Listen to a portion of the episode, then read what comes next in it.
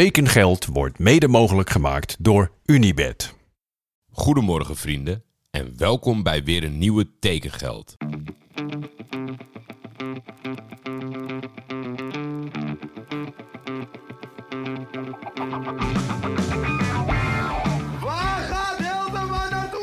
Kan u mededelen dat er overeenstemming is bereikt met Johan Cruijff bij Feyenoord. Navarone voor. Vandaag in andere kleuren, hè? Ja, dat zeker. Dat is wel even wennen natuurlijk. Berghuis, een van de meest besproken transfers ooit, denk ik.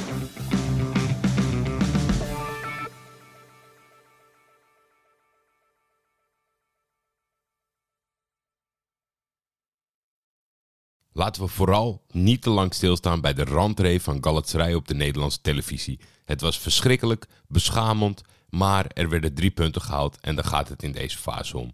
Laten we overgaan tot de orde van de dag. Ik ontving een aanvulling van Ralf Verstappen. Hallo Jordi, als Fortuna supporter luisterde ik uiteraard aandachtig naar het item over Castrati. Naar aanleiding van jouw opmerking over een team van twee spelers ben ik toch even op transfermarkt gaan kijken. Daar zie ik gelukkig dat Castrati het met meer dan één teamgenoot moet doen in Portugal. Vandaag staat Castrati bij Farense onder de 23 in plaats van in het B-team. En waar het gisteren erg karig was, is het nu misschien wel wat te vol. Op deze pagina staat het namelijk tussen 31 andere teamgenoten. Maar ja, blijkbaar is dat toch het elftal waar hij terecht is gekomen. En niet de B-ploeg. Ja, weet ik ook niet, uh, Ralf. Gisteren klikte ik op zijn transfer en toen stond er Farense B. En nu staat er onder de 23. Uh, in ieder geval fijn voor hem dat hij genoeg teamgenoten heeft om een elftal te vormen. Dan de prijsvraagwinnaar. Het was een moeilijke keuze, maar uiteindelijk is het Gerben geworden. Hi Jordi, bij jouw prijsvraag moest ik meteen denken aan Yusemar Borilli. Een talentvolle voetballer uit Brazilië die in 2006 werd verkozen tot voetballer van het jaar van de Joga Bonito, de Nike voetbalcompetitie. En als je aan voetbal en Nike denkt, denk je gelijk aan het shirt van de goddelijke Canaries. Wat een talent moet dat zijn. Borilli kon naar internationale, maar hij kwam echter niet in aanmerking voor een Italiaans paspoort. Na een trainingstage bij Ajax kwam hij terecht bij FC Zwolle. Wacht even, misschien wel het grootste talent van Brazilië naar FC Zwolle? Dit is toch te mooi om waar te zijn? En het was te mooi om waar te zijn. Hij begon aardig met een heerlijke goal tegen Haarlem. Hij stuurde een link erbij. Ik heb de goal bekeken. Ik denk keepersfout, maar ja, jullie weten, ik denk altijd keepersfout. Maar het bleek al snel dat Borilli nimmer in teamverband had gespeeld. Kreeg daarnaast al snel last van heimwee, viel van de ene in de andere blessure en verdween via de achterdeur van het Zwolse toneel. Hij speelde uiteindelijk nog in de Italiaanse serie C en D, waar hij ondertussen een Italiaans paspoort had verkregen. Groetjes, Gerben. Ik vond het een mooi verhaal. Ik was Yusemar Borilli compleet vergeten. Het ging uiteindelijk wel een klein beetje borrelen, maar vol overtuiging durf ik het niet te zeggen. Maar dit is wel het geval dat je denkt, ja, Nike, Joga Bonito in die tijd, het spreekt tot de verbeelding. Ik weet nog dat er in het Olympisch Stadion in Amsterdam was er een heel evenement rondom, ja, toen was, je ging van de ene fantastische reclame van Nike in de andere. Bij dat evenement in het Olympisch Stadion had je allerlei spelvormen. Er was er eentje, daar kon je je kracht meten met Edgar Davids. Moest je keihard schieten, dat werd dan gemeten. Dan kon je zien of je in de buurt kon komen van Edgar. En je kreeg een, een cd-schijfje met een hele gekke vorm, staat maar bij. Dat echt je, je, pc die sloeg op hol als je die in de cd-speler deed. Maar mooie herinneringen, mooie tijd. Gerben, jij hebt het tekengeld keer Beard Brewery bierpakket gewonnen. Dus stuur mij jouw gegevens op en dan gaat Joppe het allemaal voor je regelen. Vanaf maandag de derde en laatste prijsvraag.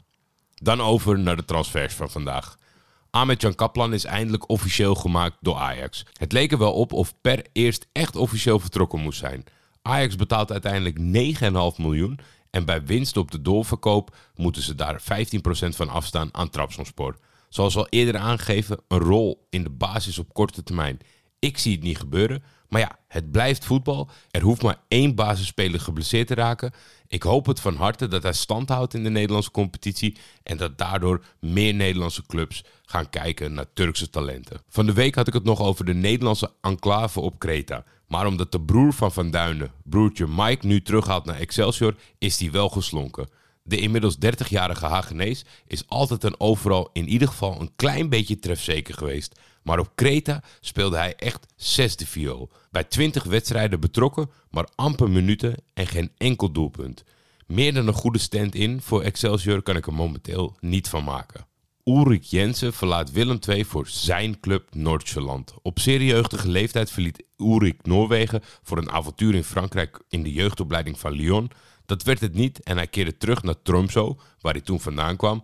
Daar was het oké, maar bij zijn vertrek naar Noordjylland werd het echt een groot speler. Toen hij klaar was voor een nieuw avontuur, ging hij naar Tilburg. Daar werd het niet helemaal en nu keert hij terug naar toch wel de enige club waar hij tot nu toe heeft laten zien. Dus we wensen Ulrik een fijn thuiskomen bij Noordjylland. Laurent Jans, een mispeer van Sparta, vertrekt naar de derde Bundesliga, namelijk Waldhof Mannheim. Was zo vriendelijk om de Spartanen te verlossen van de 30-jarige Luxemburgse rechtsback die geen enkele indruk wist te maken in Rotterdam. En tot slot, AZ laat spits Jelle Duin vertrekken naar Denemarken. Aarhus GF heeft hem op huurbasis overgenomen. De huurperiode is voor één seizoen, maar Aarhus heeft een optie tot koop. Duin speelde voornamelijk voor Jong AZ in de eerste divisie. Hij kwam tot zeven invalbeurten in de hoofdmacht. Naar aanleiding van mijn uitgebreide mening over de eventuele transfer van Anthony in de goede geruchtenhoek Hakim Ziyech terug naar Ajax. Want dat is momenteel een zeer concreet gerucht uh, als ik social media moet geloven. En ik begrijp Ajax, ik begrijp de supporters, ik begrijp een heleboel hieraan, maar ik wil er toch daar iets aan toevoegen. Stel dat hij er echt voor open staat, begrijp ik namelijk Hakim niet. Is dan jouw legacy het feit dat je het niet gered hebt over de grens? Hakim Ziyech was de beste speler van de eredivisie. Punt. Na elk fabelachtige optreden van Hakim ging het in de media maar over één ding. Kan hij het daar? Kan hij het op een niveau hoger? Kan hij in het buitenland? Kan hij meekomen, zus? Volgens mij, de wedstrijden die Hakim gegund zijn bij Chelsea, is hij niet slecht voor de dag gekomen. Eerst een mismatch uiteindelijk met de trainer, daarna met de volgende trainer, et cetera, et cetera. Kijk, als jij een hele grote speler bent, dan past een trainer zich aan jou aan. Ik ga het hier niet afdoen alsof het allemaal aan andere factoren ligt. Maar ik vind niet dat Ziyech gefaald is. Want de tijd die hem gegund is, heeft hij dat naar wens ingevuld. Het kon beter, absoluut. Het was niet zo dominant als bij Ajax. Maar toch, is dan als iedereen twijfelt of jij het kan op dat niveau, terugkomen de oplossing? Dat lijkt mij niet. Er zijn zat voorbeelden van topvoetballers die wel eens een mismatch in hun carrière hebben gehad. En laat Chelsea dat dan zijn. Waarom zou je nu terugkeren naar Nederland om weer te gaan laten zien wat je al kon? Dat je de beste bent of een van de beste bent in de eredivisie. En dan hou je erbij dat je het geprobeerd hebt en mislukt bent. Waarom ga je niet nog één stap aan? Het hoeft niet oneindig te zijn. Je hoeft niet tegen beter weten in te blijven knokken. Stel je gaat naar een andere club en je krijgt weer een soort van bijrol. Oké, dan is het misschien wel een terechte conclusie. Maar die ene poging is toch niet voldoende. Uiteindelijk zal je legacy dan zijn dat jij die speler was. Fantastisch in Nederland, niet goed genoeg voor het buitenland. Ga naar Spanje. Ga naar Frankrijk. Weet ik het. Nou ja, Frankrijk, daar zal iedereen hier wel weer een soort van kanttekening van maken. Ja, League, uh, zoals de maffe Britten altijd zeggen over de Farmers League. Maar Spanje staat nog steeds hoog aangeschreven. Oké, in deze fase, het zal niet Real of Barça worden. Al zou ik daarvan denken, waarom niet? Maar één stapje daaronder. Gevoelsmatig zeggen toch een heleboel kenners, dat moet het zijn automatisch denk je dan aan de Sevilla. In het verleden zou je denken aan Valencia, maar dat is te ver afgezakt. Misschien moet je openstaan voor de Villarreal. Past die ook perfect bij? Villarreal heeft altijd mooie spelers gehad waarvan je zou zeggen, hmm, kan dat wel? En dan lukte het daar wel. Ga nog naar één club voordat je terugkeert naar Nederland om weer de koning van de eredivisie te zijn. Dat zou mijn advies zijn. Dus nogmaals, uh, ik zie dat die luisteren. Ik snap het. Ik gun het jullie. Ik hoop dat hij weer te, te, aanschouwen is in de eredivisie.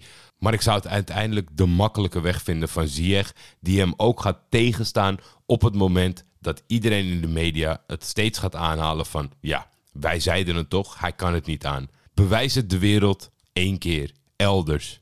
En als je dan toch zo van Amsterdam houdt of van Ajax houdt, kom dan terug. Maar niet nu. Dat was de aflevering voor vandaag. Ik hoop dat er morgen veel staat te gebeuren. Nou ja, eh, in de geruchtenhoek zaten we natuurlijk al. Uh, het lijkt nu toch dat uh, Manchester teruggekeerd is voor Anthony om in ieder geval in bonusvarianten nog wat bovenop te doen. Mochten dat uh, haalbare bonussen zijn, dan denk ik met het gedrag van Anthony vandaag dat Ajax overstag zal gaan. Een speler tegen zijn zin hier houden, dat heeft geen zin. Eerlijk gezegd heb ik niet naar de weersomstandigheden gekeken, dus ik weet niet wat ik jullie moet adviseren. Jas aan, korte broek, uh, ijskoffie, warme koffie. Maar jullie komen er vast zelf uit. Ik kijk ernaar uit om jullie morgen weer te spreken. Tot dan en een prettige dag. Het tekengeld bierpakket is natuurlijk nog steeds te bestellen via de link in de omschrijving van de uitzending. En dan altijd de kortingscode tekengeld gebruiken voor een mooie korting. Tekengeld is een Schietvogeltje Media Original. De intro is van Jacco den Hertog. Voor commerciële vragen en of samenwerkingen kun je mailen naar schietvogeltjemedia.gmail.com.